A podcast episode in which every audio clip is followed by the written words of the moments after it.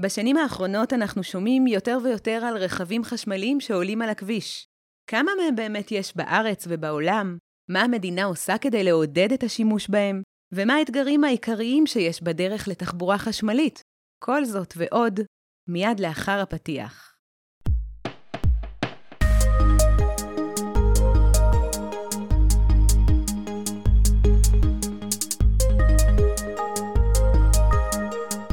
שלום וברוכים הבאים למחקר בשלוש קריאות, הפודקאסט של מרכז המחקר והמידע של הכנסת.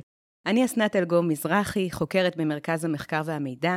היום נדבר על רכבים חשמליים, ובדיוק בשביל זה נמצאת איתנו כאן רינת בניטה, חוקרת במרכז המחקר והמידע. שלום רינת. היי אסי. את כתבת מסמך מאוד רחב ומקיף בנושא, ואני רוצה לשאול אותך בתור התחלה, מה קרה בשנים האחרונות בכל התחום הזה של רכבים חשמליים על הכביש? אז באמת אנחנו רואים שבעשור האחרון יש אה, עלייה מאוד ניכרת ברכישה ובמצאי הכללי של אה, רכבים אה, חשמליים, וכשאני אומרת רכבים חשמליים או רכבים שמבוססים על טכנולוגיה חלופית, mm-hmm. אנחנו בעצם מדברות פה על שלושה סוגים של רכבים שהם הנפוצים ביותר, שניים מהם הם חשמליים, והרכב השלישי הוא הרכב ההיברידי, ההיברידי. שבאמת מאוד נכנס חזק לישראל ונתמך גם בצעדי מדיניות של מיסוי. והטבות מס, שאולי נדבר על זה בהמשך, בדיוק, כן, בהמשך. כן. אבל כשאנחנו מדברים על רכבים חשמליים, אנחנו בעצם מתייחסים לשני סוגים של רכבים, זה או רכבים חשמליים מלאים כמו טסלה, mm-hmm. ורכבי פלאג אין, שזה אומר שזה רכבים שמסוגלים לנסוע רק על חשמל, אבל שיש להם גם אה, הנאה מסורתית, הנאה מבוססת אה, מנוע בעירה פנימי, של mm-hmm. בנזין, של דלק, דלקים פוזיליים, מה שאנחנו קוראים, שהם מזהמים. וכחלק מאותה מגמה של מעבר באמת לאלטרנטיבות אחרות, נכון. יותר נקיות. מצוין. עכשיו בואי ככה, דיברתי איתי קצת על הקטגוריות של הרכבים, אז מה קרה בעשור האחרון בכל התחום הזה? איך זה שאנחנו פתאום רואים כל כך הרבה רכבים חשמליים על הכביש? מה, זהו, מה בעצם עשי, קרה? שזה לא פתאום. זה תהליך שקורה okay. אוקיי. כבר כמה שנים. Uh, עוד לפני שהגיעה מגפת הקורונה לחיינו, 75% מכלל הפליטות מתחבורה הגיעו מתחבורה משם. יבשתית. Mm-hmm. ומהם שני שליש קשורים להסעת נוסעים. זאת אומרת, נוצר פה איזשהו אה, מצב שצריך לטפל בו. יש לנו אה, נשואה שהולכת וגדלה. וגדלה. כן. במקביל, עם צרכים סביבתיים או עם אתגרים סביבתיים שאנחנו מתמודדים איתם בכל העולם, אנחנו כן. בישראל כמו בכל העולם, ויעדים סביבתיים מאוד ברורים להפחתת אה, פליטות וגזי חממה, שממש נקבעים במסגרת של או אה, שיעור מסך הפליטות נכון לשנה מסוימת, או אפס פליטות לחלוטין. עם יעדים לרב-שנתיים, מה שנקרא קדימה לעתיד. עם יעדים רב-שנתיים ל-2025, 2030. כי רק לא מזמן נתנו את ועידת האקלים. בדיוק, זאת אומרת, כן. הפריצה המשמעותית הייתה בוועידת האקלים בפריז ב-2015, אבל היא קיבלה חיזוק ותוקף mm-hmm. משמעותי יותר. בוועידת אה, גלזגו בשלהי שנת 2021, אה, כן. והעולם באמת נערך לגמילה הזאת מהתלות בדלקים אה, פוזיליים. אלה גם השנים שאני מניחה, תגידי לי את אם אני צודקת, שבמקביל נכנסו לאט לאט הרכבים החשמליים לכבישים, לעולם ופה לארץ. נכון, בהחלט עיקר החדירה mm-hmm. של הטכנולוגיה של רכבים חשמליים קרתה החל משנת 2015 ואילך. בעולם. ובארץ? וגם בארץ, החל, בארץ קצת יותר מאוחר, פחות כן. או יותר ב-2018 התחילו לנסוע פה הרכבים החשמליים הראשונים. הראשונים, כן. זו תופעה כל כך מעניינת, כי היא קורית לנו ממש ככה אה, מול תוך העיניים. תוך כדי תנועה, תרתי משמע. וגם מעניין להגיד שהמדינות לא רק התחייבו ברמה הצהרתית mm-hmm. אה, על אה, מעבר אה, לתחבורה מאופסת פליטות, אלא גם ממש מתמרצות. בדרכים שונות, שאולי mm-hmm. תכף ניגע בהם, כן. את הנושא הזה של אה, מעבר ל... ורכישה של רכבים אה, חשמליים, גם בעולם וגם, וגם בארץ. בארץ. אוקיי, okay, אז בעצם באמת מעניין אותי לשאול אותך מבחינת אה, רגולציה, מבחינת הסדרה. אה, בואי נדבר רגע על העולם, ואז אני אשמח אם תגיעי גם בארץ, איזה כלי מדיניות משמשים את המדינות השונות כדי באמת לעודד את המעבר לרכבים חשמליים?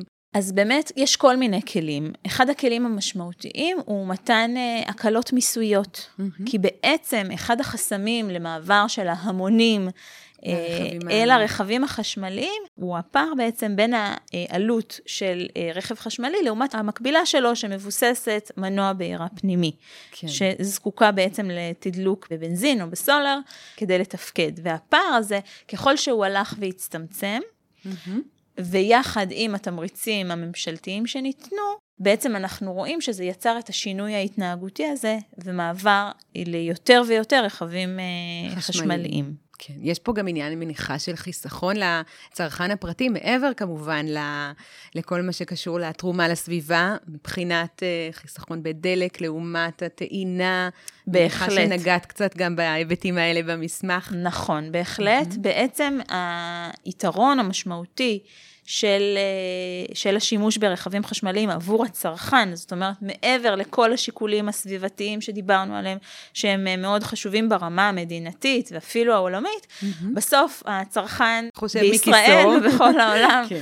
נלחם באיזשהו אה, יוקר מחיה, ו, ובשקלול הזה בהחלט נלקחת בחשבון גם העלות השוטפת, ההחזקה השוטפת של רכבי החשמל, שהם קלים יותר לתחזוקה, כמעט כן. ולא נדרשים לטיפולים, וכמובן אה, החיסכון בעלות של אה, תדלוק.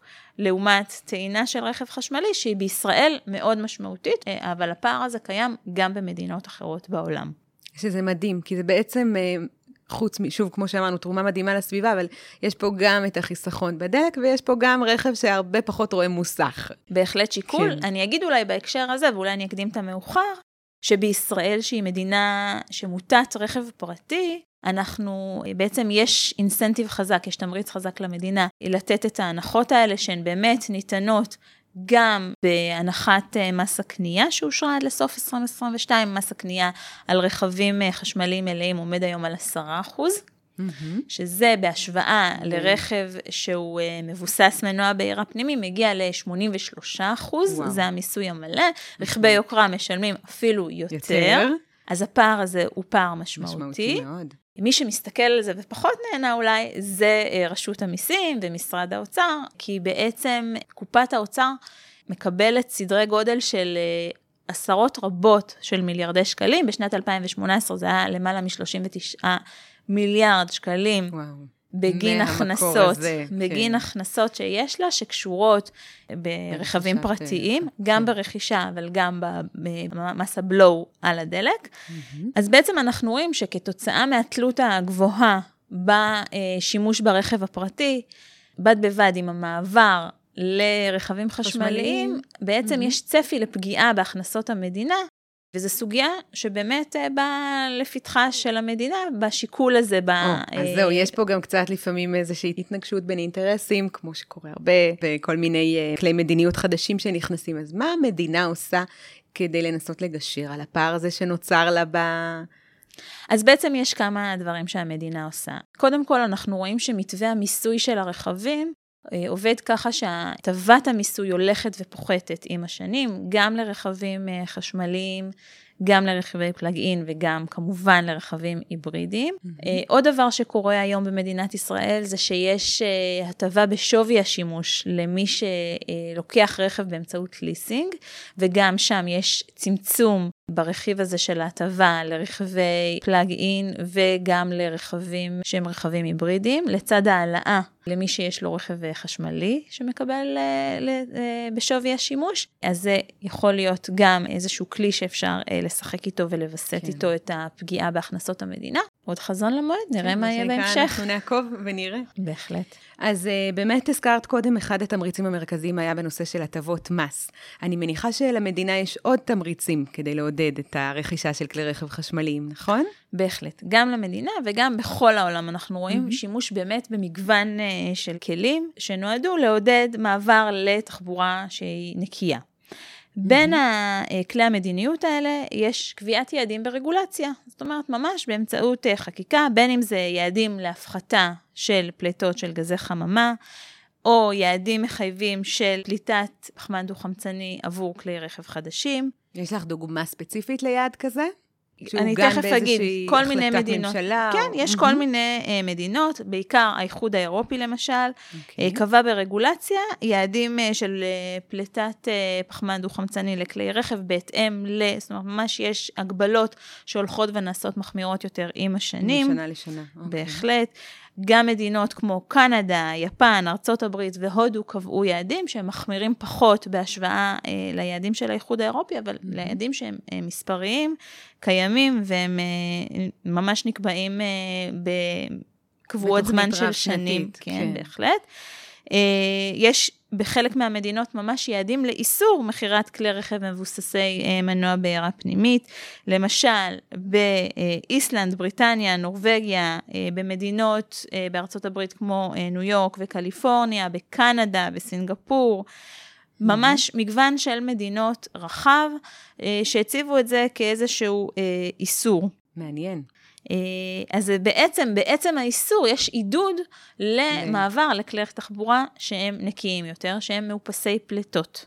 ואני מבינה שמדינות סקנדינביה אה, היו בין המובילות או הראשונות בעניין הזה. בהחלט. נורבגיה כן. אה, תגיע ליעד הזה, השאיפה שלה להגיע ליעד הזה כבר ב-2025.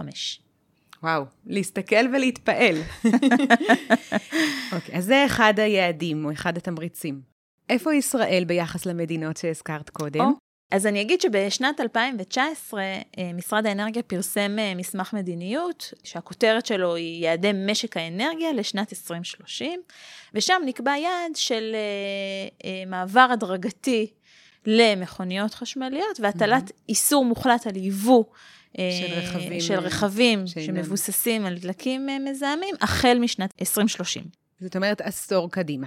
זאת אומרת, כעשור קדימה, איסור כן, מוחלט על ייבוא, אבל במסמך... רגע, חיכיתי לאבל, כי רציתי לומר שזה הגיוני בסך הכל. זה, זה הגיוני, כן, וזה אפילו. יכול היה להיות מתקדם. אבל... Uh, במסמך אחר של uh, משרד האנרגיה מאוקטובר 2021, mm-hmm. יעד אחוז הרכבים הקלים, הפרטיים, מאופסי הפליטה לשנת 2030, עומד על 25 אחוז בלבד. בלבד. היעד של אה, הגעה לכלכלה אה, מאופסת פליטות נדחה ל-2050. קיבלנו ארכה. נתנו לעצמנו אה, את הארכה הזו. כן. ומכל מקום, קשה להאמין לפי איך שזה נראה כרגע, שבאמת יהיה איסור או שבאמת אפשר יהיה להגיע בקלות ליעד הזה, למרות שזה בהחלט יעד של משרד האנרגיה, וזה חלק מהמלצות המדיניות שלו, כן. אה, לקביעה לעתיד לבוא. לעתיד. אוקיי, okay, דיברת על אה, כל מיני כלים לעידוד באמת. אני רוצה רגע לחזור לשם. יש לנו עוד כלים נוספים? אז דיברנו על כלים שהם uh, תמריצים uh, mm-hmm. שנקבעו ברגולציה, דיברנו על uh, תמריצי מיסוי, יש כל מיני תמריצים שהם יותר uh, רכים, כמו כן. uh, חנייה בחינם שניתנת בחלק מהמקומות, ואפילו בישראל. כאלה. כן, כן, הטבות שהן uh, פחות uh, כספיות והן יותר uh, רכות. Mm-hmm. אני כן רוצה לדבר בעצם על uh, השקעות uh, ממשלתיות שנעשות כדי כן. להנגיש את האפשרות. לעשות שימוש בכלל ברכב. חשמלי עבור אוכלוסייה שאין לה גישה לעמדת טעינה פרטית, וזה או, בעצם באמצעות חשוב. השקעה ב... וסבסוד של uh, הקמת uh, תשתיות הטעינה ברחבי הארץ ובעולם כולו. זאת אומרת, ממש בכל העולם מדינות מכניסות יד לכיס ומסבסדות את ההקמה של התשתיות האלה, כדי שזה יהיה מונגש ליותר אוכלוסיות, וגם כדי להפחית את החרדה בעצם, שיש היום חרדת הטווח בכל הנוגע לטווח הנסיעה שבעצם הטעינה מאפשרת. בדיוק, זאת אומרת, כן. בניגוד לרכבים שהם מבוססי מנוע בעירה פנימית, אין כאן את הגיבוי. אין לנו כן, את הגיבוי ואין לנו את הפריסה. Mm-hmm. אין לנו את הפריסה של התשתיות. כן. זאת אומרת, כן. היום אם אני נוסעת ברכב אה, שזקוק לתדלוק, כמעט בכל אה, כמה קילומטרים... איקס קילומטרים אני אחפש תחנת דלק. נכון, ולא כן. רק זה, אלא שתהליך התדלוק הוא תהליך מהיר. נכון. כמה דקות, נכנסתי לתחנה, תדלקתי, יצאתי, המשכתי בדרכי. היום... כאן כמה זמן בעצם יש. שני חסמים. אחד, הפריסה. Mm-hmm. באופן כללי, בישראל, נכון להיום, אה, פחות מאלף עמדות אה, טעינה ציבוריות בסך הכל במדינה, והרוב המכריע שלהן הן עמדות טעינה שהן איטיות, כי כמו שאמרתי קודם לכן, יש שני חסמים. החסם האחד זה עצם הפריסה, והחסם השני הוא משך הטעינה. מרבית העמדות הציבוריות בישראל היום הן עמדות... לטעינה איטית. לטעינה ש- איטית. שמדובר בכמה שעות בערך, פלוס מינוס. זה כמה שעות, זה סדר גודל של אה, ארבע שעות, פלוס מינוס באמת כתלות בהספק. לעומת, אגב, בטעינה מהירה. לעומת טעינה אולטרה מהירה שיכולה לקחת שבע דקות, וואו. או אה, טעינה מהירה שהיא בין 20 ל-30 דקות. ולכן, העניין הזה של חרדת הטווח הוא אמיתי, הוא ממשי, ו- ואנשים יש רוצים... לו אחיזה במציאות. יש לו אחיזה שנקרא. במציאות, ואנשים רוצים שתהיה להם את הוודאות שהם יוכלו להגיע ליעד שלהם, בראש שקט ו... גם, גם אם הוא ש- מרוחק, מה... מה- גם הוא מרוחק מהבית שלהם. כן. אה, זה, זה שיקול שהוא אה, משמעותי ועובדים על זה. אגב, אני רוצה להגיד שכמו שאמרתי שזה אתגר בישראל, זה אתגר בהרבה ממדינות העולם. האיחוד האירופי שם על זה המון כסף, mm-hmm. מתוך מטרה להגיע ליעד של עמדת טעינה ציבורית אחת על כל עשרה אה, רכבים, רכבים. חשמליים. אז דיברנו על זה שבאמת ל... יש להניח שלמרבית האנשים שרכשו רכב חשמלי, יש עמדת טעינה פרטית בבית. מה עושים אנשים שאין להם עמדה כזאת, או שאין להם אפשרות. להקים עמדה כזו? אז זה באמת אולי מהווה אחד החסמים הכי מרכזיים עבור אה, אנשים שהם אה, רוכשים פוטנציאליים של אה, רכבים חשמליים, כי היום בעצם מי שאין לו חנייה אה, בטאבו, הוא זקוק להסכמה של של אה, דיירי הבניין המשותף. המשותף. Mm. הוא צריך הקצאה של עמדת חנייה ספציפית, הוא צריך שרשת החשמל בבניין ובאזור תתמוך. אה, בהקמה של אה, עמדת טעינה ותאפשר את הדבר הזה. ויש גם היבטי בטיחות כמובן, כמובן, זאת אומרת, זה ותוואי מאוד שטח. מאוד אה, מורכב, זה בהחלט משהו שיבוא לפתחה של הכנסת, אני מאמינה, במושבים הבאים, זה- ושמוסדות התכנון יצטרכו לתת לו מענה גם כן, הם יידרשו לזה. בהחלט. אה, אוקיי, אז תראי, דיברנו עד עכשיו באמת גם על ההגדרות וגם על מגמות ומה קרה בעשור האחרון, ודיברנו קצת על נתונים חשובים בעולם ובארץ, ועל יעדים, ו- ועל כלים לתמרוץ ולעידוד המעבר לרכבים חשמליים, איזושהי הסדרה. אה, מעניין אותי לשאול אותך ככה בתקופת אה, משבר הקורונה, כי אי אפשר שלא להתייחס לזה. מה קרה בעניין הזה של אה, כלי הרכב החשמליים? הייתה איזושהי עצירה או ירידה, או אולי אפילו הפוך? אוקיי, אז זו שאלה מאוד מעניינת, כי שנת 2020, שהיא השנה שבה התפרצה אה, המגפה של הקורונה, הובילה לירידה של 16% מסך הרכישה של רכבים באופן הרכבים, כללי. כל סוגי כלל הרכב. הרכבים, כל סוגי הרכב. אוקיי. אבל מה שמעניין זה שבשנה הזו הייתה עלייה של 41 אחוזים ברכישה של רכבים חשמליים חדשים, זאת וואו. בהשוואה לשנה שלפני כן.